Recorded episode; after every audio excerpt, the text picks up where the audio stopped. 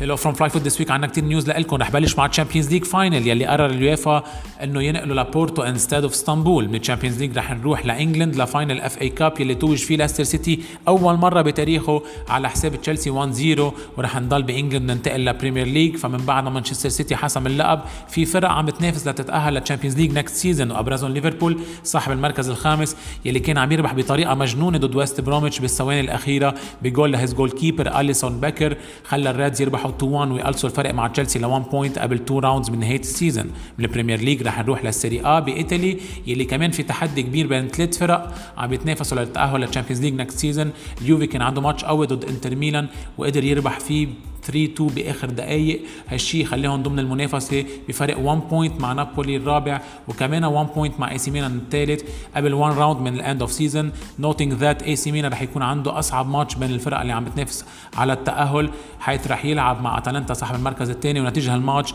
رح تكون مفصلية من ايطالي رح نروح لليغا ب Spain. يلي كمان الصراع على اللقب هونيك بعده حامي بين أتلتيكو مدريد وريال مدريد والحسم رح يكون بآخر round أتلتيكو مطالب بال win كرمال يفوز باللقب والريال مطالب بال win كمان مع تعثر أتلتيكو مدريد مع تعادل أو خسارته ليفوز باللقب. من Spain رح نروح للل Ligue 1 France يلي كمان عم يشهد على صراع كتير كبير بين ليل صاحب المركز الأول مع 80 points و PSG الثاني مع 79 points قبل 1 round من ال end of season ورح نختم our podcast من Germany فمن بعد ما حسم البايرن ميونخ اللقب بالدوري الألماني مهاجمه روبرت ليفاندوسكي كان عم يسجل هدفه رقم 40 هيدي ال season ويعادل الرقم القياسي للمسجل باسم الأسطورة غيرد مولر من بعد almost 50 years على هذا الرقم. نوتينج ذات إنه ليفاندوفسكي بعد عنده one more game ويمكن يكسر هالرقم. وهيك بنكون وصلنا لنهاية البودكاست. Thank you for listening and see you next week.